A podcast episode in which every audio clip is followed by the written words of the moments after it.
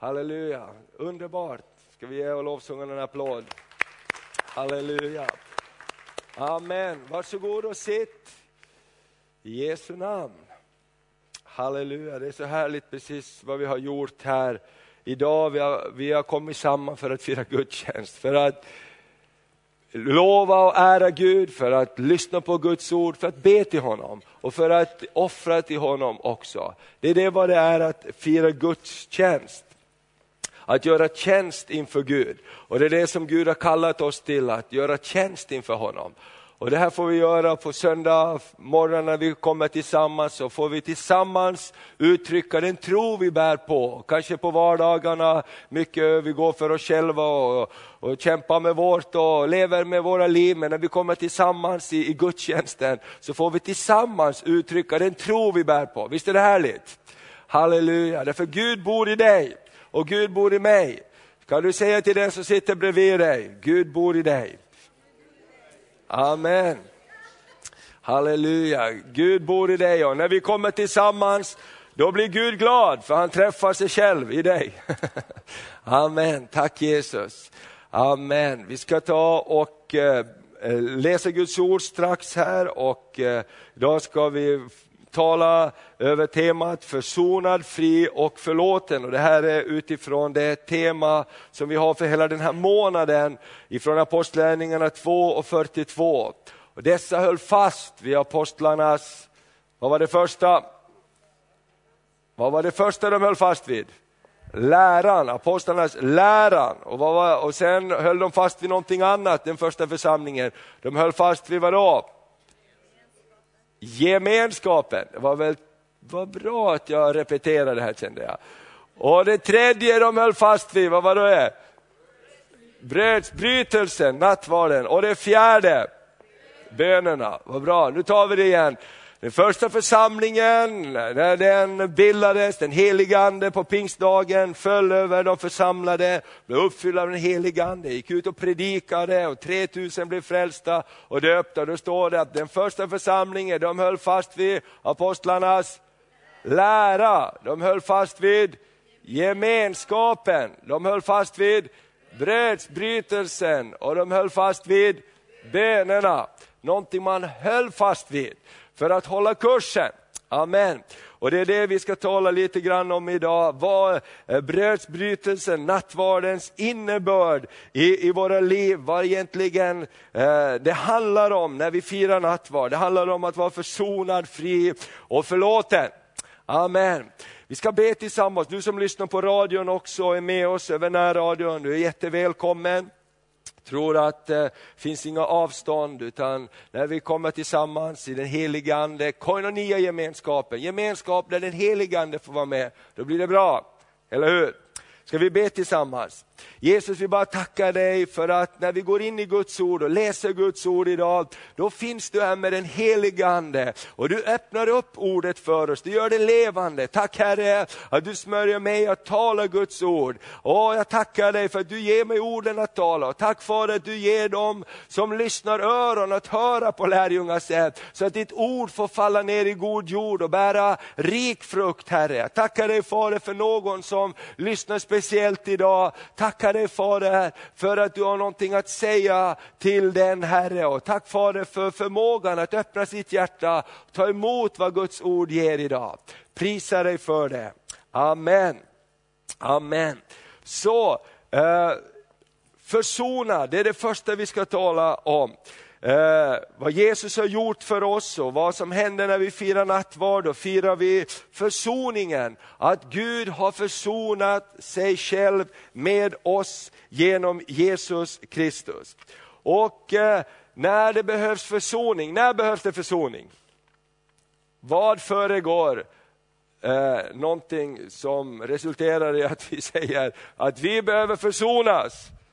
Vad föregår det? Ja, separation, det har varit ett problem, eller, eller hur? Man behöver liksom inte försonas, man vaknar inte på morgonen med, med, med, eh, i familjen och hade en härlig dag igår och så första man säger till frun, idag måste vi försonas. Eller hur? Det finns liksom inget behov Va? Men om man har bråkat eller det har varit någonting så kanske det känns nu behöver vi, har vi behov av försoning. Därför det har funnits ett problem. Och det är viktigt att komma ihåg, därför att ibland så nästan så, så sopar vi iväg problemet. Men synden som kom in och separerade Gud och människan och slet sönder den härliga fina familjegemenskapen mellan fadern och barnen, det var den som skulle repareras. Synd separerar alltid människan från Gud. Amen. Synd idag när den kommer in i våra liv så separerar den oss från den nära gemenskapen med Gud. Och försoning, förlåtelse behövs för att reparera det som har gått sönder. Och det är det som Gud gör när Jesus dör på korset, så är det Gud själv som försonar eh, sig med oss. Och Det är det som hela gamla testamentet handlar om. Eh, lagen blev given människornas försök att komma till rätta med problemet, med synden. Och vi vet att eh, lagen den pekar på synden och lagen kunde inte ta bort synden. Lagens offer som man hade i gamla testamentet, för att Gud och människorna kunde ha någon form av relation så skapade han alla de här offren som också är en förebild på det fullkomliga offret i Jesus.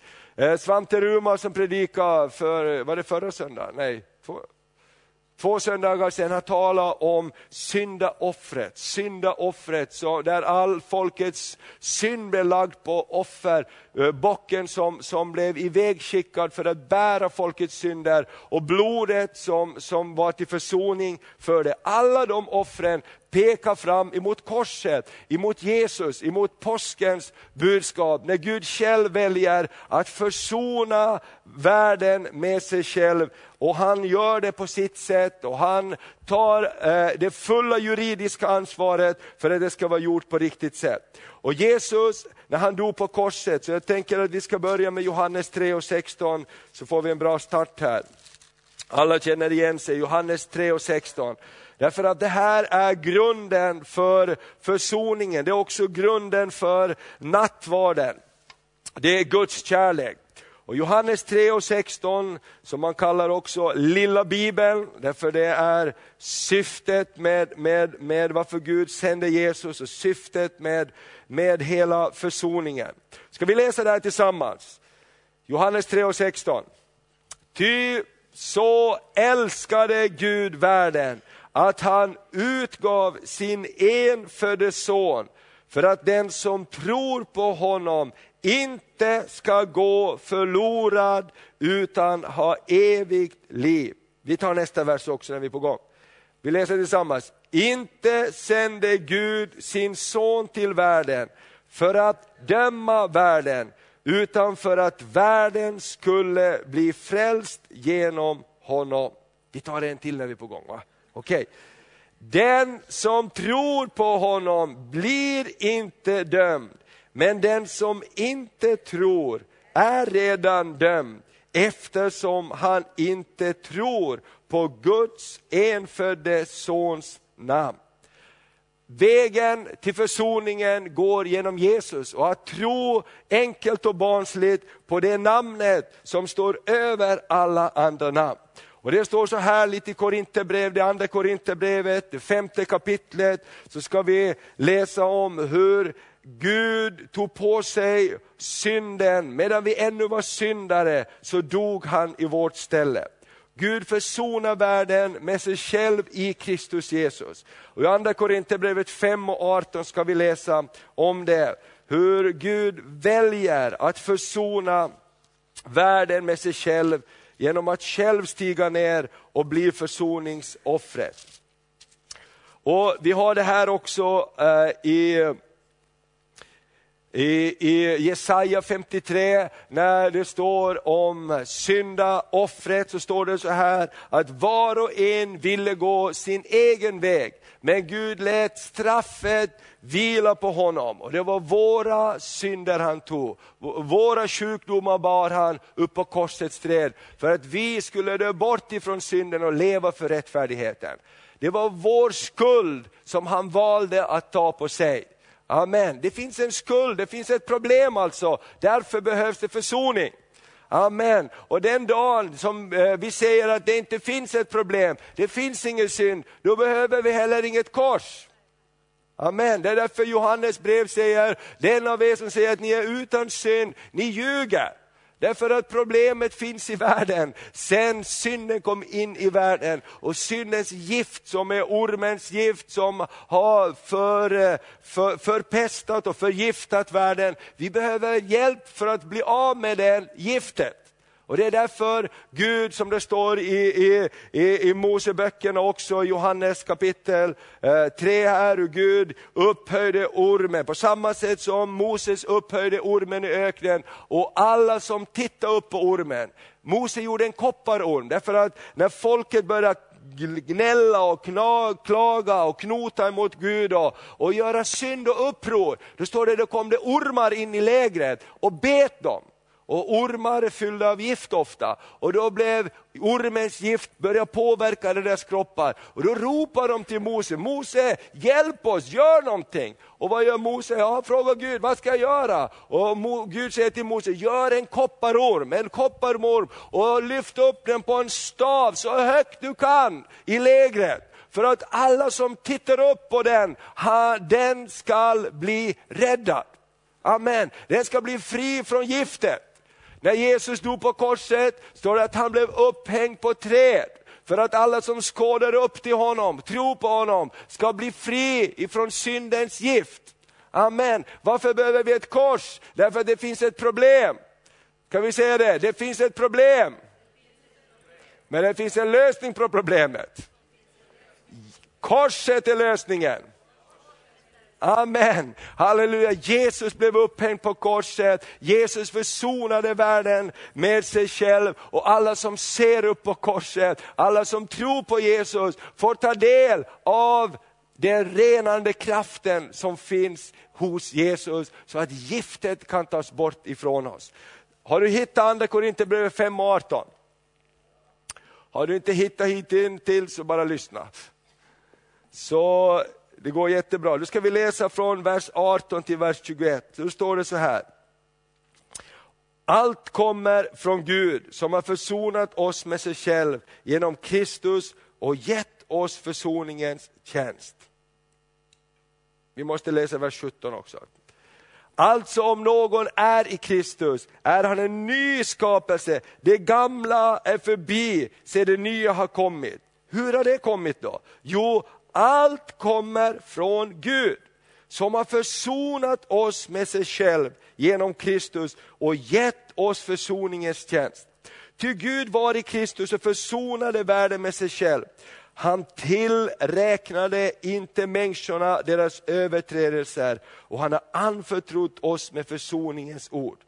Vi är alltså sändebud för Kristus. Det är Gud som förmanar genom oss. Vi ber och Kristi vägnar, låt försona er med Gud. För den som inte visste av synd, honom har Gud i vårt, ska, du, ska vi säga i mitt ställe, i mitt ställe gjort till synd för att vi i honom skulle stå rättfärdiga inför Gud. Ska vi säga, för att jag i honom, för att jag i honom skulle stå rättfärdig inför Gud. Den som inte visste av någon synd, honom har Gud i vårt ställe gjort till synd för att vi skulle stå som rättfärdiga inför Gud. Och du vet rättfärdighet, det har med juridik att göra. Det finns ett helt ämne jag brukar undervisa på bibelskolorna när jag är ute, och, som heter rättfärdighet, Guds rättfärdighet. Och det har med justitia att göra, det har med juridik att göra. Gud har dömt dig fri i rätten. Amen. Gud har dömt dig fri i rätten, därför att du och jag som bär syndens gift i oss, syndens lön är vadå? Döden. Men den gåva som Gud av nåd har gett är vadå? Evigt liv. Någon tog din plats. Och det står så underbart att Gud han har dömt oss fri i rätten. Han har tagit straffet på sig för att vi skulle gå fri. Och det är en juridisk handling. Och ni ska titta på det, att han har till och med rivit sönder skuldebreven som har anklagat oss. Halleluja! Därför Gud längtade efter att fixa problemet. Amen. Han längtar efter rätt, rätt, att upprätta den här gemenskapen igen. Och jag, ni vet att jag brukar prata om den här bilden med synden som kom in och splittrade familjen. Och Gud, han vill ha en hel familj. Det är det som är drivkraften till allt han gör. Han älskar sina barn. Han är beredd att ge allt han har för att få hem sin familj igen och få sina, sin, sin, sin familj upprättad. Och det är det han får genom Jesus Kristus. Vi ska också läsa att det var våra synder. I första Johannes 2 så ska vi bara trumma på det här lite grann. Halleluja. Johanne, eh, första Johannes brev, det ligger alldeles där före uppenbarelseboken. Första och andra och tredje Johannes brev och första Johannes brevet. Två ska vi läsa ifrån och, från, och, och vers två. Sen ska vi också läsa kapitel 4 och vers 10. Tack Jesus. Amen. Och vi, vi, vi, vi, jag bjuder på en vers till här, vi läser vers 1 också. Mina barn, detta skriver jag till er för att ni inte ska synda. Men om någon syndar så har vi en som för vår talan inför Fadern. Jesus Kristus som är rättfärdig. Han är försoningen för våra synder. Inte bara för våra utan också för hela världens. Amen. Halleluja. Mina barn, detta skriver jag till er för att ni inte ska synda. Men om någon syndar har vi en som för vår talan inför Fadern, Jesus Kristus som är rättfärdig. Därför säger han, be i mitt namn. Halleluja. När du ber i Jesu namn så hör Jesus din bön som sitter på Faderns högra sida och säger, den där Niklas, du är tvungen pappa att förlåta honom. Titta här, mina händer blodet som står framför, oh, oh, oh, framför altaret, det är mitt blod, det är vittnen om försoning. Han, han måste få förlåtelse, han måste få bönesvar. Halleluja. Det är någon som för vår talan. Är du glad för att det finns någon som för din talan? Prisat vare Herrens namn. Du har någon som för din talan när du ber i Jesu namn. Halleluja! Så är det någon som sitter på Faderns högra sida och för din talan. Halleluja, himlen är aktiv. Det är därför det är så underbart att be. Därför himlen är aktiv och bönen kopplar ihop himlen med jorden. Halleluja, och det blir en underbar sak här. Och det står att Jesus är försoningen för våra synder. Inte bara för våra utan för hela världens. Så nattvarden, när vi tar nattvarden, då är det en försoningens proklamation. Och det är inte bara för oss som firar den här, utan det är också faktiskt en proklamation för hela världens synder. Han som kunde förlåta mig kan förlåta dig. Han som kunde upprätta mig kan upprätta dig. Halleluja, det är för alla världens folk och stammar. Därför är det så underbart när vi firar nattvarden. Det är inte bara jag och mig, utan det är också ihop med alla de heliga, men det är också en proklamation för hela världen. Jesus dog för våra synder. Halleluja. 4 och 10, ska vi titta vad står där, en vers. Om vi klarar en vers, vi ska se. Uh, vi måste ta nian också här. Jag, jag är så duktig när jag förbereder ska jag försöka liksom dra ner så mycket som möjligt och så är det så svårt när man tittar i Bibeln för den är, så, den är som ett kärleksbrev. Hela den här Bibeln är som ett kärleksbrev. Hur kan man låta bli? Vi tar en vers till här, nian också. Så uppenbarades Guds kärlek till oss. Han sände sin enfödde son till världen för att vi skulle leva genom honom. Kärleken består inte i att vi har älskat Gud, utan i att han har älskat oss och sänt sin son till, vadå? Försoning, vi läser hela slutet, till försoning för våra synder. Halleluja, lösningen på problemet. Halleluja, vi sopar inte bort problemet, vi erkänner vårt problem, då finns det en lösning för problemet. Amen. Det är vad Gud har gjort för oss. Och vårt handlande, vad, vad är då vår, vårt gensvar till det här? Jo, det är att i tro ta emot det Gud har gett oss.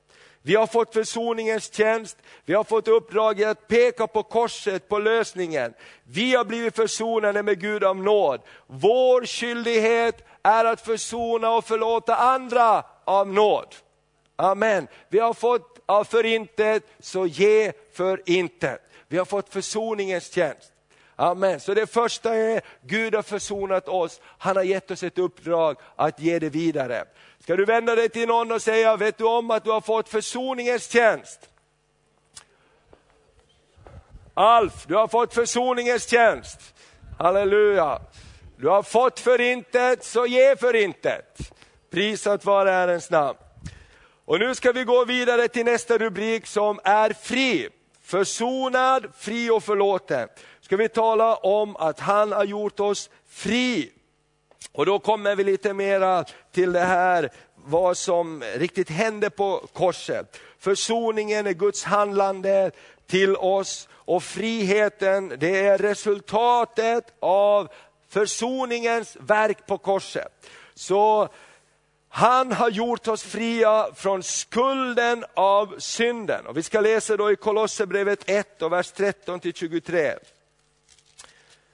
Därför att eh, här står det klart och tydligt att synden är ett problem som anklagar oss. Och det finns till och med uppskrivet anklagelserna. Och i Kolosserbrevet 1, 13-23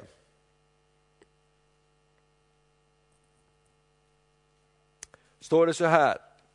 Han har frälst oss från mörkrets välde och fört oss in i sin älskade Sons rike.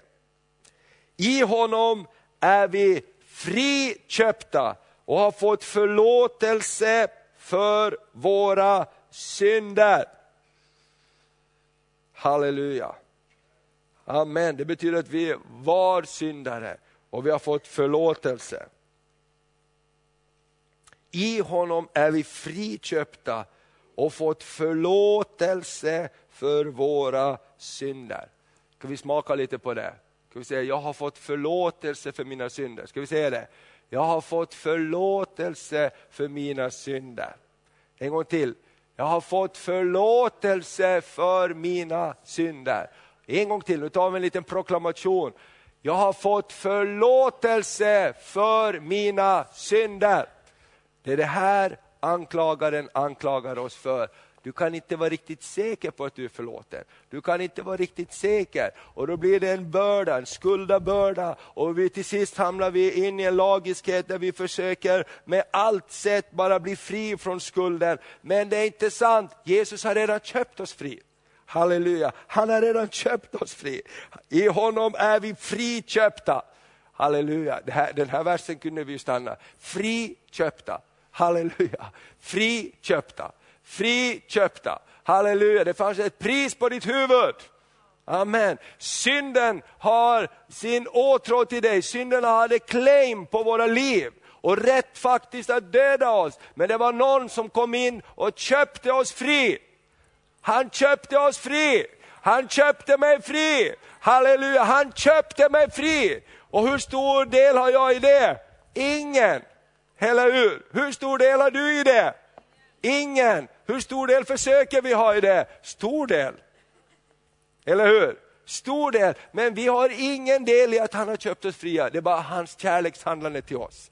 Han har köpt oss fria. Vårt gensvar är att säga, jag tror att du har köpt mig fri. Jag tror på vad du har gjort. Precis som vi läste i Johannes 3, och 16 och 17, att den som tror och bekänner, han ska bli frälst. Halleluja, han har köpt mig fri. Han har köpt mig fri. Prisat vare Herrens namn. När Satan kommer och anklagar dig och mig, då måste vi hålla upp någonting. Vi måste hålla upp ett dokument. Det är därför det är så bra med Bibeln. Gud har skrivit ett dokument och här säger han, han har köpt mig fri. Svart på vitt, Thomas är friköpt.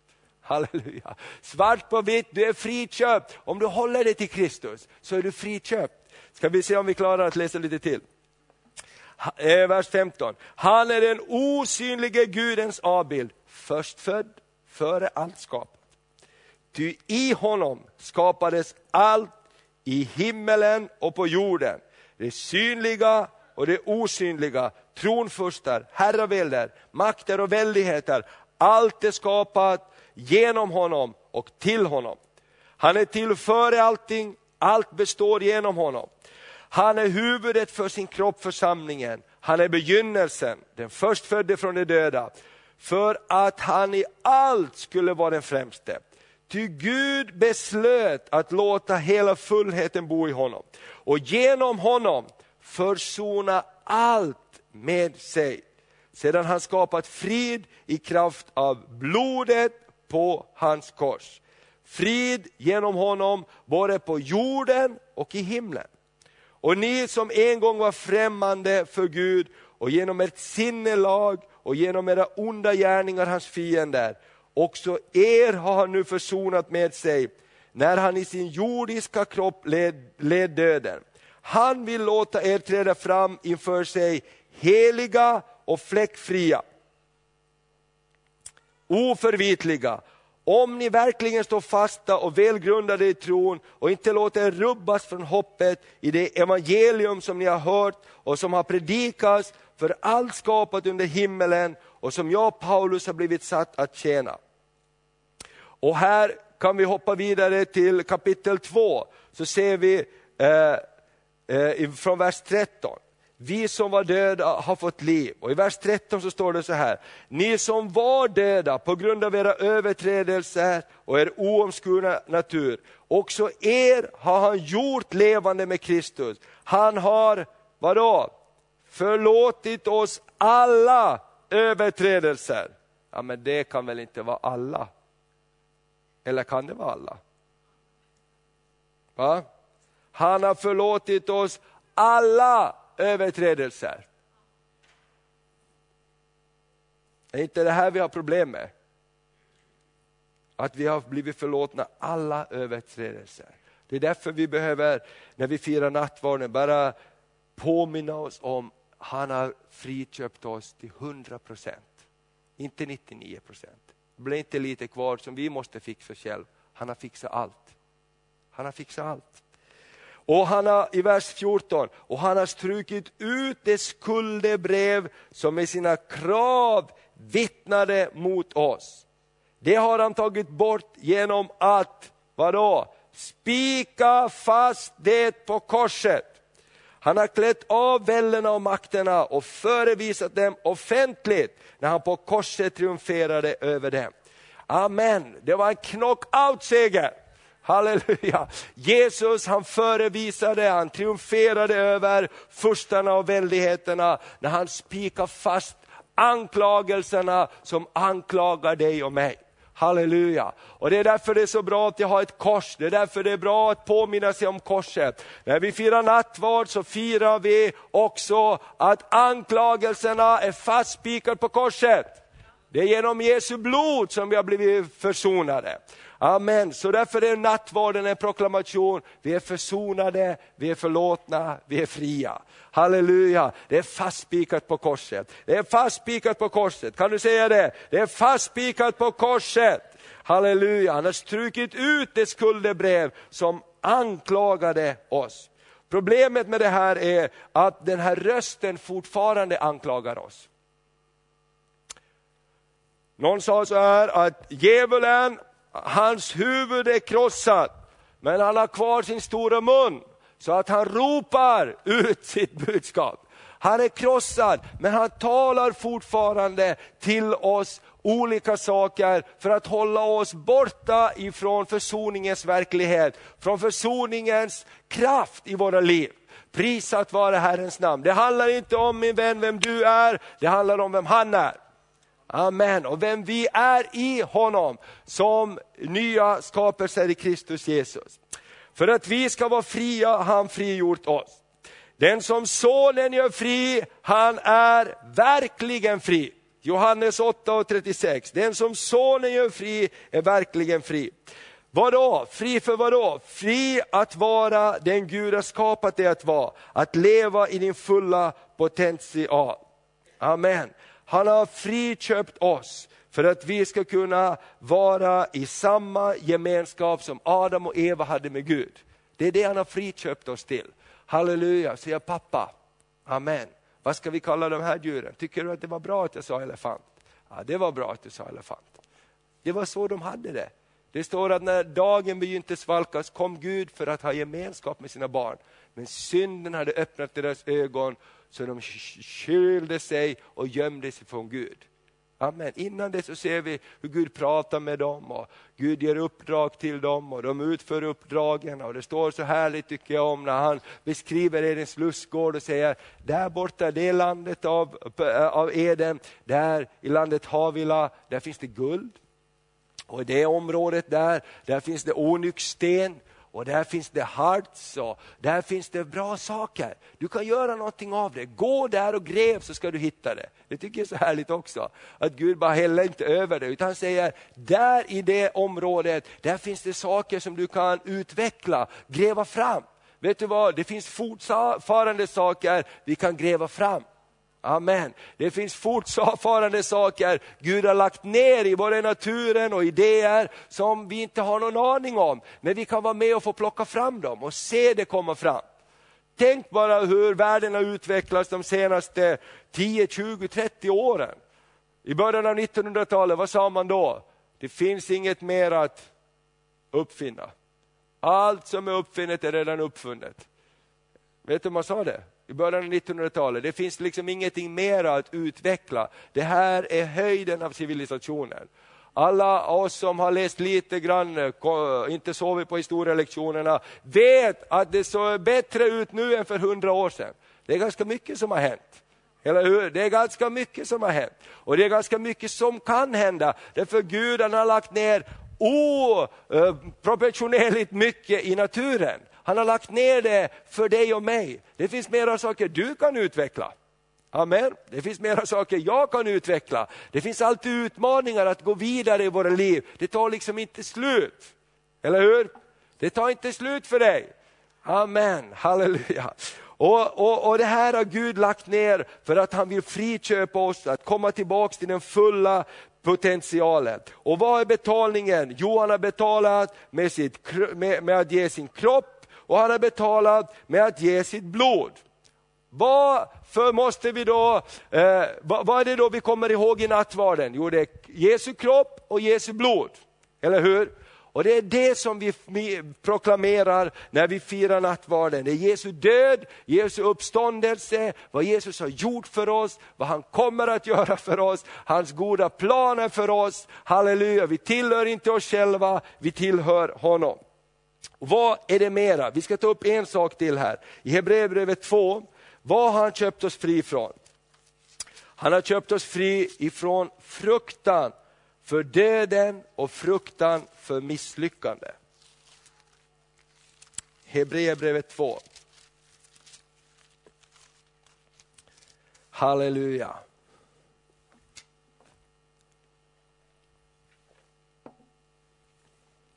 Tack Jesus.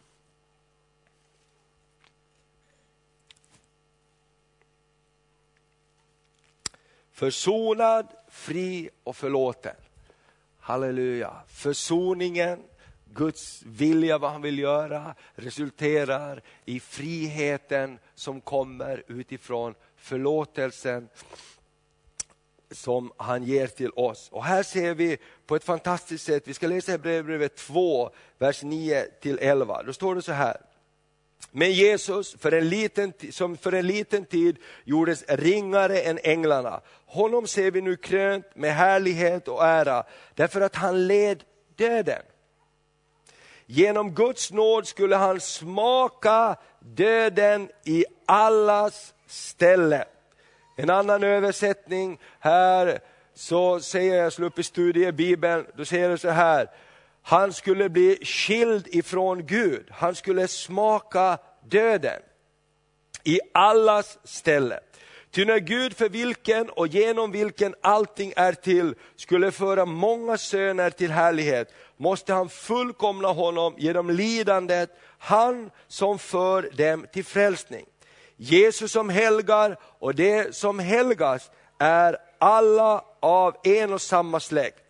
Därför blygs han inte för att kalla dem bröder. Gud blev människa och bodde bland oss. Då han säger, jag ska förkunna ditt namn för mina bröder, mitt i församlingen ska jag lovsjunga dig.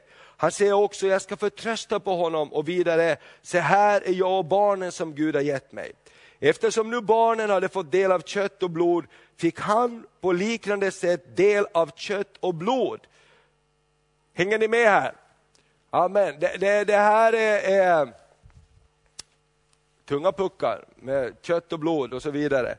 Men låt oss inte hoppa över de här bibelställena.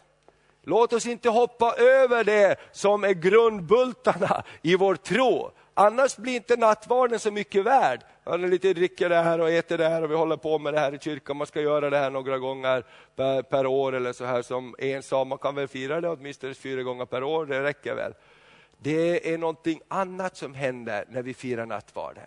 Det är blodet, det är köttet, det är försoningen. Det är hela Gud som kommer samman i Jesus Kristus och delar sig själv med oss som vi får ta del av. Och desto mera vi kan se vad han har gjort för oss, desto mera tror jag också vi kan få nytta av nattvarden.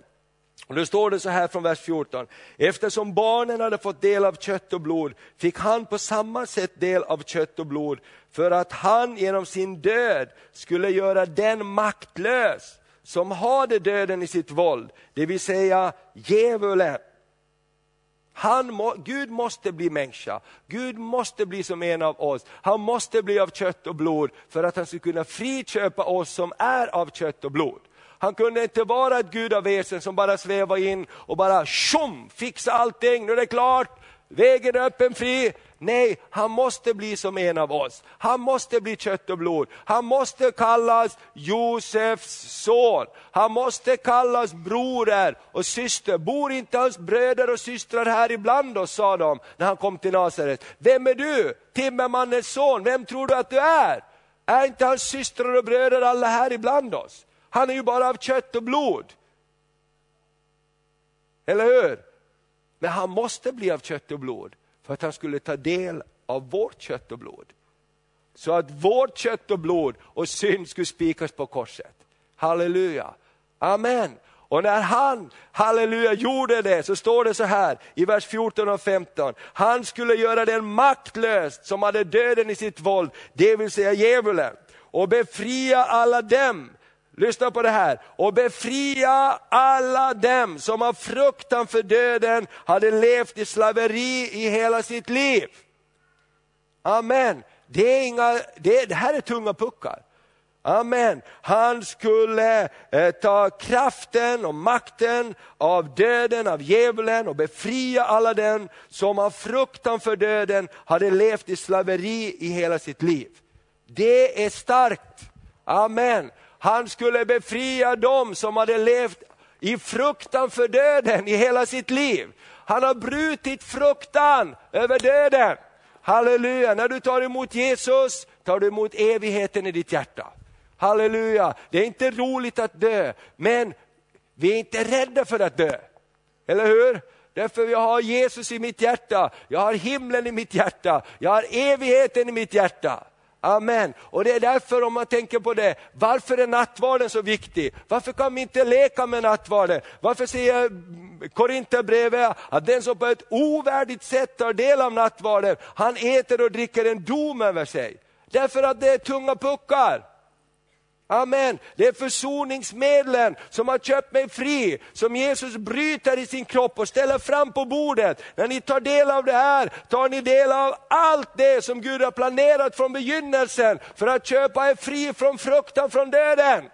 Amen, det är det som finns i brödet, det är det som finns i, i, i, kalken. När ni tar del av det, tar ni del av min försoning, min uppståndelsekraft, allt jag är och har. Amen. Och håller ni på att leka med det, håller ni på att inte ta det på ett värdigt sätt, så äter ni och dricker en dom över er. Det, det är starkt. Alltså man kan inte leka med det, därför Jesus själv finns i brödet och vinet. Och därför att han har satt allt allt, allt har bara satt på, på ett kort om man säger, allt är, är, är, är sammanfogat i Jesus Kristus. Och, och, och när Jesus bara bryter dödens makt, han bryter Satans makt och så säger han, jag gör det för att befria alla dem som av fruktan för döden hade levt i slaveri i hela sitt liv. halleluja, fri från slaveri. Amen. Och det är ju det här som vi brottas med många, många gånger. Människor brottas med, med eh, med fruktan, fruktan för döden, fruktan hur det ska bli, fruktan en, en hemsk objuden gäst. Jag tror vi alla har fått besök av herr eller fru fruktan som kommer och griper tag om våra liv ibland. Men också hur Jesus kan befria oss ifrån fruktan när vi vänder oss till honom. Varför är korset så starkt? Därför det vittnar om samma sak hela tiden. Det vittnar om att dödens makt är bruten. Det vittnar om att syndens makt är bruten. Därför får vi förlåtelse för våra synder. Det vittnar om att förbannelsen är bruten. Därför kan oket brytas över en människas liv. Jag läste i morse hur, hur, hur, hur, hur, när de dödade Stefanus i Apostlärningarna 6 tror jag det är, hur de står, att de la ner sina mantlar inför en ung mans fötter, hans namn var, var Saulus. Och när man dödade honom så, så, så ropade Stefanus, förlåt dem, håll inte det här emot dem. Och det står att Saul gillade att de dödade honom. Den här mannen som var så förknippad med förkastelse som Saul var, som senare hette Paulus, att han hade låtit döda de som trodde på Jesus. Han kände, när, när, när han skriver om nattvarden, han skriver om vad Jesus gör, har gjort för honom på korset, så bara säger han, jag har blivit frikänd. Det finns nu ingen fällande dom för den som är i Jesus Kristus. För det handlar inte om mig, det handlar inte om vad jag har gjort eller låtit bli att göra. Det handlar om vad han har gjort på korset. Och att jag tar emot vad han har gjort på korset. Att jag håller före att det han har gjort på korset, det gäller mig. Det gäller här, det gäller nu. Amen, halleluja! Amen! Är du här idag? Halleluja! Du vet att när man ska stå emot Satan, när man ska stå emot djävulen, då måste man veta på vilken grund man står. Då går det inte med eh, senaste filmerna, eller senaste nyheterna från SVT. Då måste du stå på någonting annat. Eller hur? Då måste du stå på någonting så du vet, jag står på en fast grund. Amen. Därför är många kristna människor och många kyrkor svaga idag. Därför man står inte på klippan. Amen, man är rädd för djävulen till och med. Och det där vet jag att det, det när jag växte upp så var det mycket så, man var, säger ingenting om djävulen, djävulen är rädd, vi är rädda för djävulen. Och jag fick aldrig ihop det. Hur kan Jesus vara herre över allting och samtidigt ska vi vara rädda för djävulen? Vi måste vara rädda för djävulen på ett sätt, ja, i oss själva har vi ingenting att sätta emot. Men i Kristus Jesus så är du över och inte under. I Kristus Jesus så kan du tala till fruktan, gå bort härifrån. Du kan tala till fruktan, lämna mitt hus. Amen, i Jesu namn. Du kan tala till de här sakerna, därför du står på en grund som är blodet, som är köttet, som är försoningen, som är Kristus spikad på ett kors.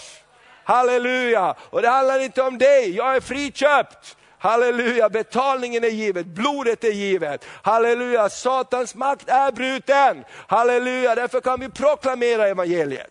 Halleluja, därför kan vi proklamera att Gud är god.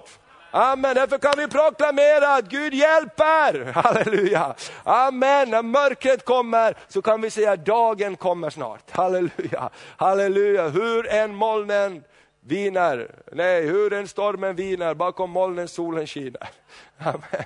Det stod det på en tavla när jag växte upp. Hur en stormen viner, bakom molnen solen skiner. Jesus är inte död. Ibland är han täckt av en massa moln. Ibland är det bara mörkt på himlen. Ibland är det bara, var är du? Men han finns där, för solen har inte slocknat. Ljuset har inte slocknat. Prisat vare Herrens namn.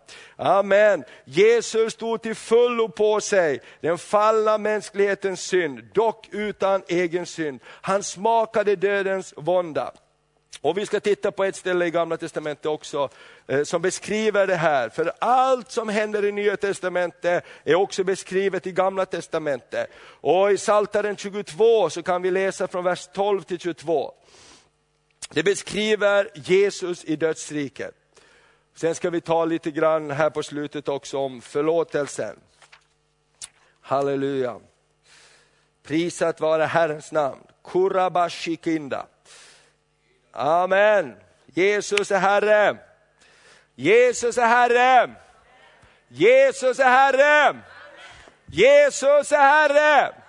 Halleluja. Amen, vi behöver proklamera det. Jesus är Herre. Amen, för det står så här, han är vårt framtid och vårt hopp. Halleluja, jag fruktar inte för morgondagen, för Gud är mitt hopp. Det var så bra som du läste, Dag, vad var det från Jesaja 33 eller? 42, jag fruktar inte för Gud är med mig. Halleluja, jag fruktar inte för han är mitt hopp. Halleluja, jag fruktar inte för jag är dold i Kristus. Halleluja, jag bär Kristus med mig. Amen. Halleluja, och jag kan vara rädd men jag fruktar inte. Amen. Jag kan vara skakig men jag är frimodig. Eller hur? Det är två skilda saker. Rädsla ger oss inte rätten att fly. Rädslan ger oss inte rätten att fly. Hur många gånger har du varit rädd och ändå gjort någonting du har varit rädd för? Amen. Du vet, vår naturliga instinkt är att fly, men ibland när vi bara står fasta, eller du vet, man ska fråga kvinnan man älskar, vill du gifta dig med mig? Man går igenom alla faser som kan hända. Man dör, man uppstår och allt möjligt. Till sist så gör man det. Eller vad man gör. Alltså man är rädd för många saker. Någon pastor frågar, kan du, kan du ställa dig upp och be en bön? Aldrig i livet. Och så gör du det, eller du läser ett Guds ord, du bara gör någonting man är rädd för, eller tar ett nytt steg på jobbet. Första reaktionen är inte kan jag, men när du övervinner resten och tar ett steg så händer någonting. Det är samma sak i den andliga världen. Fruktan kan komma emot oss, men det ger oss inte rätten att fly. Utan då måste vi bara borra, borra, borra, då måste vi stå på grunden. Då måste vi ha mycket sten i fickorna som det heter, så vi står stadigt, att vi inte blåser bort. Amen. Eh, då ska vi läsa ifrån Saltaren 22, 12-22. Och det här beskriver det David, som beskriver profetiskt vad Jesus går igenom när han dör för dig och mig på korset. Då står det så här.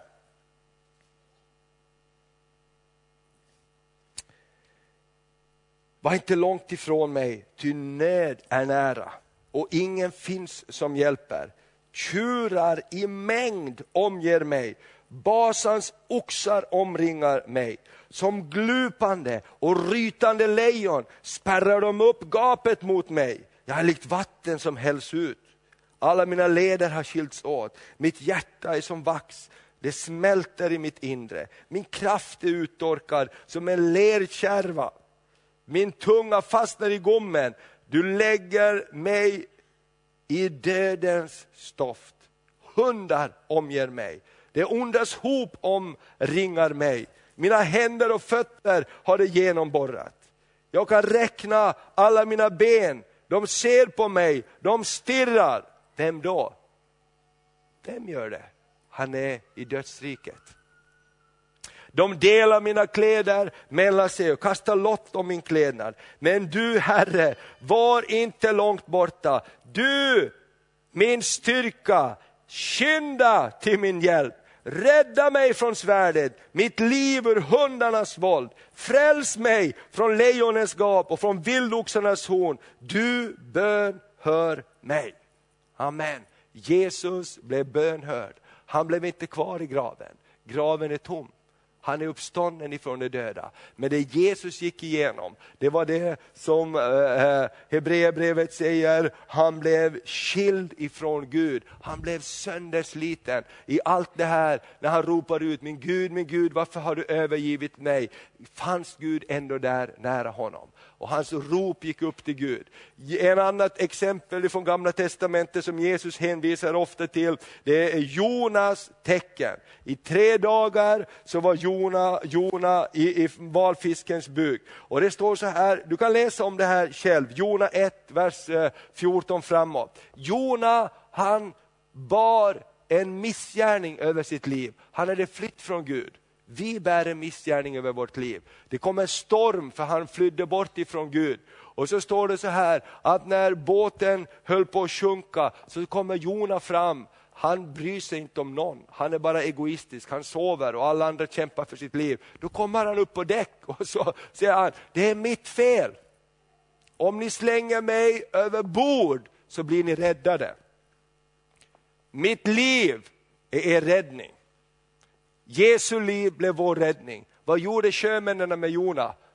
Ett, två, tre. Och så står det de bara, låt inte straffet komma över oss. Står det. Och så står det att Gud sände en fisk som käkade upp Jona. Så var han i tre dagar och tre nätter. Det står att han var omgiven av, av mörker och han ropade till Gud. Och efter tre dagar så spottar fisken upp Jona på land.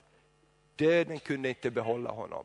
Men sjömännens handling i tro räddade deras liv. Vad måste vi göra? Vad är vårt gensvar till vad Gud har gjort för oss? Vi måste tro på det. Amen. Vi måste tro på det, vi måste hålla före, vi måste säga som Gud säger för att det ska bli en verklighet i våra liv. Amen. Det räcker inte bara att läsa om det, det räcker inte att veta om det. Vi måste hålla före, vi måste säga som Gud säger. När Satan talar sina tankar in i våra tankar måste vi säga som Gud säger. Amen. Han har, vår fri, han har friköpt oss, han har försonat oss, han har förlåtit oss. Amen. Och Jesus står så där att Jesus han var frestad i allt, liksom vi, dock utan synd. Jesus har varit där du är. Han kan därför hjälpa dig ut i frihet. Han kan hjälpa dig hitta vägen ut. Så låt inte något nytt träldomsok läggas på dig. Galaterbrevet 5 och 1 säger, vårt ansvar i det här, det är att ta emot i tro det Gud har gett oss och inte låta något nytt träldomsok läggas på oss. Och bevara friheten i sanning och i ande. Bevara friheten. Det är vårt ansvar. Bevara den frihet som Gud har gett åt oss. Amen. Det kan inte Gud bevara, det måste du och jag bevara. Därför är det bra med bröder och systrar. Därför är det bra att komma till kyrkan ibland och, och bli lite jagad av pastorn. Amen. Det är därför det är bra att gå till bönegruppen och på, uppmuntrar varandra. Kom igen nu, nu ber vi, nu tar vi tag i det här. Var inte deppad, det kommer att ordna sig. Vi ber tillsammans. Eller hur? Vi har ansvaret att bevara friheten. Halleluja, när, när det dystra molnet kommer in i huset så kryper du fram längs golvet, sträcker upp handen till stereon och så vrider du på lite lovsångsmusik. Halleluja, så börjar du sjunga med. Halleluja, prisat vare Herren. Han har hört min bön, han har hört min bön. Halleluja, man kan ändra atmosfären. Halleluja, och det är ditt och mitt ansvar för den frihet som Gud har gett oss. Vi kan ändra atmosfären. Halleluja, man kan göra som Bengt Eriksson, man kan ta en dans ibland. Halleluja, en, en Holy Ghost-dans, röra sig och prisa Herren. Och man måste kunna bryta ett dödläge ibland. Vi måste kunna bryta dödläge. Varför då? Därför segern är vunnen. Segern är vunnen. Fröjd i Herren är vår starkhet. Fröjd i Herren är vår starkhet. Och Jesus, Gud han är så konstig, han säger så här, låt den svage säga jag är stark. Låt den ledsne fröjda sig. Hur kan man det? Jo, om man vet varför. Om man vet varför. Om man vet varför. Halleluja, om man förstår att det finns en seger som är vunnen för mig. Även om jag inte känner det så, även om mörka moln skymmer sikten, så kan vi prisa Gud i alla fall. Halleluja.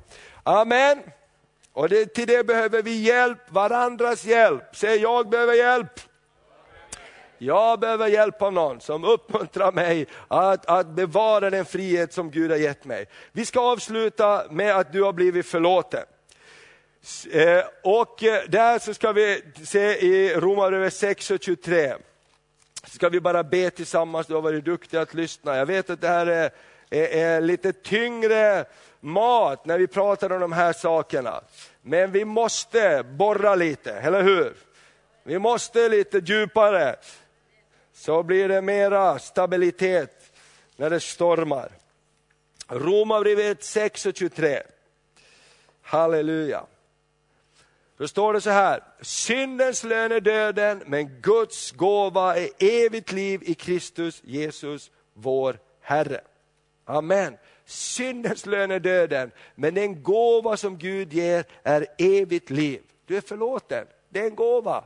Syndens lön är döden, men den gåva som Gud ger är evigt liv. Halleluja. Hur ska man få en gåva? Man måste ta ut en gåva, man måste ta emot en gåva. Om du får ett fint paket, så är det bara ett fint paket till dess att du öppnar det fina paketet och tar reda på vad som finns i paketet. Amen. Eller hur? Om du vill ta del av gåvan i paketet så måste du slita sönder pappret, som barnen på julafton. Och någon har stått där och gjort så fina rosetter och saker, ingen bryr sig om de rosetterna. Den bara, rups, vad är i paketet? Det är det som är grejen. Och det är så med kristen tro också, att förlåten, det står så här att det är en gåva som Gud har gett oss. Vi måste leva i den, vi måste ta fram paketet, vi måste ta ut gåvan. Halleluja, här är gåvan, underbart, jag är förlåten. Amen. Och vi vet inte om det innan vi tar ut det. Och det står det som jag läste i Kolosserbrevet 2.13, han har rivit sönder skuldebrevet som anklagade dig. Med all rätt anklagade dig och mig. Och Jesus betalade priset när han förlät oss. Guds stora mål är att övervinna det onda med det goda. Förlåtelsen vann över hatet. Jesus på korset ropar ut, vadå? Förlåt dem, ty de vet inte vad de gör. När han blir fastspikad på ett kors så ropar han ut, förlåt dem. Amen. Du vet vad som händer här, det är att Gud han, han använder det goda för att övervinna det onda. Förlåtelsen vann över hatet. Det är därför när vi möter varandra i våra styrkor, då blir det bara tuppfäktning så här. Och till slut exploderar det. När vi möter varandra i ödmjukhet, då möter vi varandra på ett annat plan.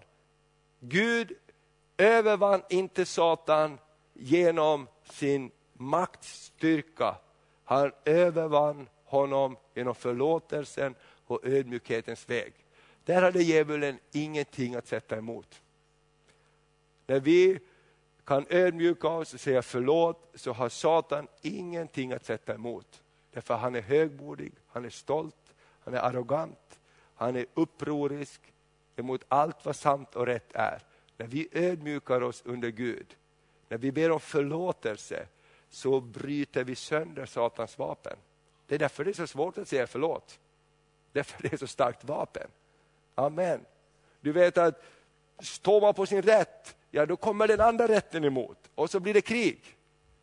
Jag glömmer aldrig den här eh, Finlands förra president Martti Ahtisaari, det är långt namn, Martti Ahtisaari, kan du säga? Martti Ahtisaari, oj, vad duktig du var. Han var fredsmäklare i Indonesien. Och de höll på att kriga hela tiden. Sen kom tsunamin också och hjälpte dem att få ordning. Hans enda fråga sa han, ja, han fick F, F, det här eh, Nobels fredspris också. Jag hade bara en tes sa han. Jag frågade dem och gång på gång igen, vill du vinna eller vill du ha fred? Vill du vinna eller vill du ha fred? Vill du vinna så kommer du aldrig få fred. Vill du ha fred så kommer vi att hitta en lösning. Jag tycker det är jättebra. Vill du vinna så kommer det att vara fortsatt vara krig. Om vi alla de här herrarna kring borden där, så länge ni alla vill vinna så kommer det aldrig bli en lösning. Den dagen när ni vill ha fred, då kommer vi att hitta en väg. Och han lyckades. Jag tycker det ligger mycket bibliskt i det också. Gud vann inte över Satan genom ett stort krig. Gud vann över Satan genom att kliva ner i det minsta. Genom att vara tyst inför den som anklagar honom. Halleluja. Och här är det någonting fantastiskt. Och, och Gud valde att förlåta oss och han är inte arg på dig. Amen. Kan du säga det? Gud är inte arg på dig. Amen. Nu ska vi läsa Jesaja 12 och så ska vi avsluta. Jesus visar ju mycket eh, exempel på det här. Han lär oss bönen Fader vår. Och i bönen Fader vår så lär han oss att be, förlåt oss våra skulder, så som och vi förlåta dem oss skyldiga äro. Jesus säger i Markus 11, be och begär så ska ni få. Och när ni står och ber, förlåt om ni har något emot någon. Förlåtelsen är nyckeln till försoningen och frihetens verklighet. Amen. Jag älskar det här lilla, det här vet du Jesaja 12, vi ska läsa hela kapitlet, det är bara sex små verser. Jag, tycker, jag, jag älskar den här lilla. Den här, vet du varför jag tycker så mycket om Jesaja 12? Därför att första gången jag skulle hålla en predikan eller göra någonting, då, då predikade jag över det här. Det tog inte speciellt länge. Men, men jag glömmer det aldrig, för jag, jag blev så glad över Jesaja 12. Jag hittade Jesaja 12. Halleluja. Och jag fortsatte att besöka Jesaja 12.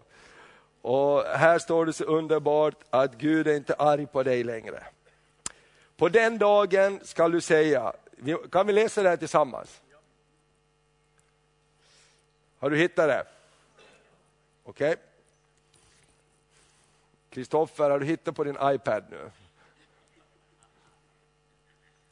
På den dagen ska du säga, jag tackar dig Herre, du var vred på mig, men din vrede har upphört och du tröstar mig. Se, Gud är min frälsning, jag är trygg och fruktar inte. Ty Herren, Herren är min starkhet och min lovsång. Han har blivit min frälsning. Med fröjd skall ni ösa vatten ur frälsningens källor. På den dagen skall ni säga, tacka Herren, åkalla hans namn, gör hans gärningar kända bland folken, förkunna att hans namn är upphöjt. Lovsjung Herren, ty han har gjort härliga ting. Låt detta bli känt över hela jorden. Ropa av fröjd och jubla, ni Sions invånare, ty Israels helige är stor, han är mitt ibland er. Halleluja. Amen. Jag tackar dig Herre, du var vred på mig, men din vrede har upphört och nu tröstar du mig. Halleluja. Amen. Visst var den bra? Jesaja 12, helt underbar. Du är eh, försonad, fri och förlåten. Jesus har fixat problemet. Amen. Och vårt gensvar är att i tro ta emot vad han har gjort för oss. Och bevara det, leva i det, hålla det levande.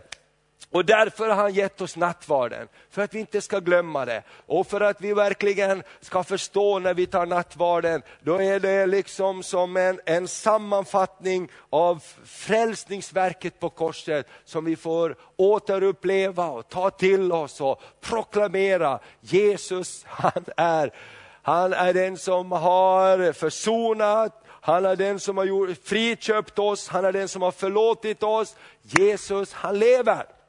Jesus har fixat problemet. Kan vi säga det? Jesus har fixat problemet. Kan vi ta det igen? Jesus har fixat problemet. Halleluja, prisat vare Herren. Ska vi bara ge Jesus en stor applåd och bara prisa Jesus. Halleluja! Åh, vi bara prisar dig. Amen. Halleluja. Tack Jesus, tack Jesus. Halleluja! Åh, vi prisar dig Herre! Halleluja! Ska vi ställa oss på våra fötter också? Vi behöver lite Praise the Lord-sång här också nu. Halleluja!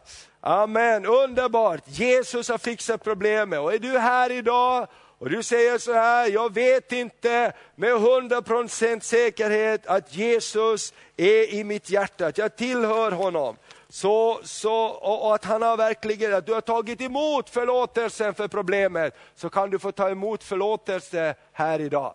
Amen. Du kan bara räcka upp din hand där du finns, om du bara säger så här, jag behöver ta emot förlåtelse för problemet. Halleluja. Amen. Det kan vara på många olika områden. Kanske någon som kämpar med något område och har lite tappat jobb, du, du har blivit upp Eh, vad heter det, påmind idag att Jesus har fixat problemet. Så låt oss ge ett gensvar till honom här. Om du bara säger det, så bara lyft din hand och säger, jag vill bara ge tillbaks eh, till Jesus. Jag vill, bara, jag vill bara komma till Jesus med mitt problem och bara ge problemet till honom, för han har fixat det. Jag vill släppa tag om det jag har själv kämpat med så länge. Så bara lyft upp din hand inför Jesus. Jag tror det kan vara bara ett gensvar inför honom. Halleluja, flera stycken. Jag bara ger tillbaks till dig. Jag har försökt bära problemet som du har burit Jesus för mig. Nu ger jag tillbaks problemet till dig. Jag ger tillbaks problemet för du har fixat problemet. Jag bara tackar dig Jesus för var och en Herre. Halleluja som ger tillbaks sitt problem till dig just nu. För du har fixat problemet, du har fixat syndaproblemet. Du har tagit bort skulden, skammen. Du har gett oss frihet när vi bekänner i Jesu namn. Då kommer liv ifrån himlen och sköljer över oss. Och jag bara tackar dig för liv som kommer från himlen och sköljer över var och en den här dagen i Jesu namn. Jag tackar dig för nytt mod Herre, nytt mod att gå vidare. Och när problemen hopar sig, låt oss komma ihåg att vi står på blodets grund, vi står på försoningens grund. Halleluja, i Jesu namn, i Jesu namn. Låt oss bara prisa Jesus innan Roland kommer här och avslutar. Och vill du ha förbön så, så tog jag med oljeflaskan här. Du kan vi göra så, vi prisar Gud och är det någon som behöver förbön här så bara kommer du fram så ska jag be för dig. Jag bara kände det när jag gick från kontoret där uppe, kanske någon har kommit hit idag, du behöver förbön för någonting och då ska vi be för dig i Jesu Kristi namn. Halleluja, amen. Bara prisa Gud. Vad har vi? Amen. Vi ser fina ut.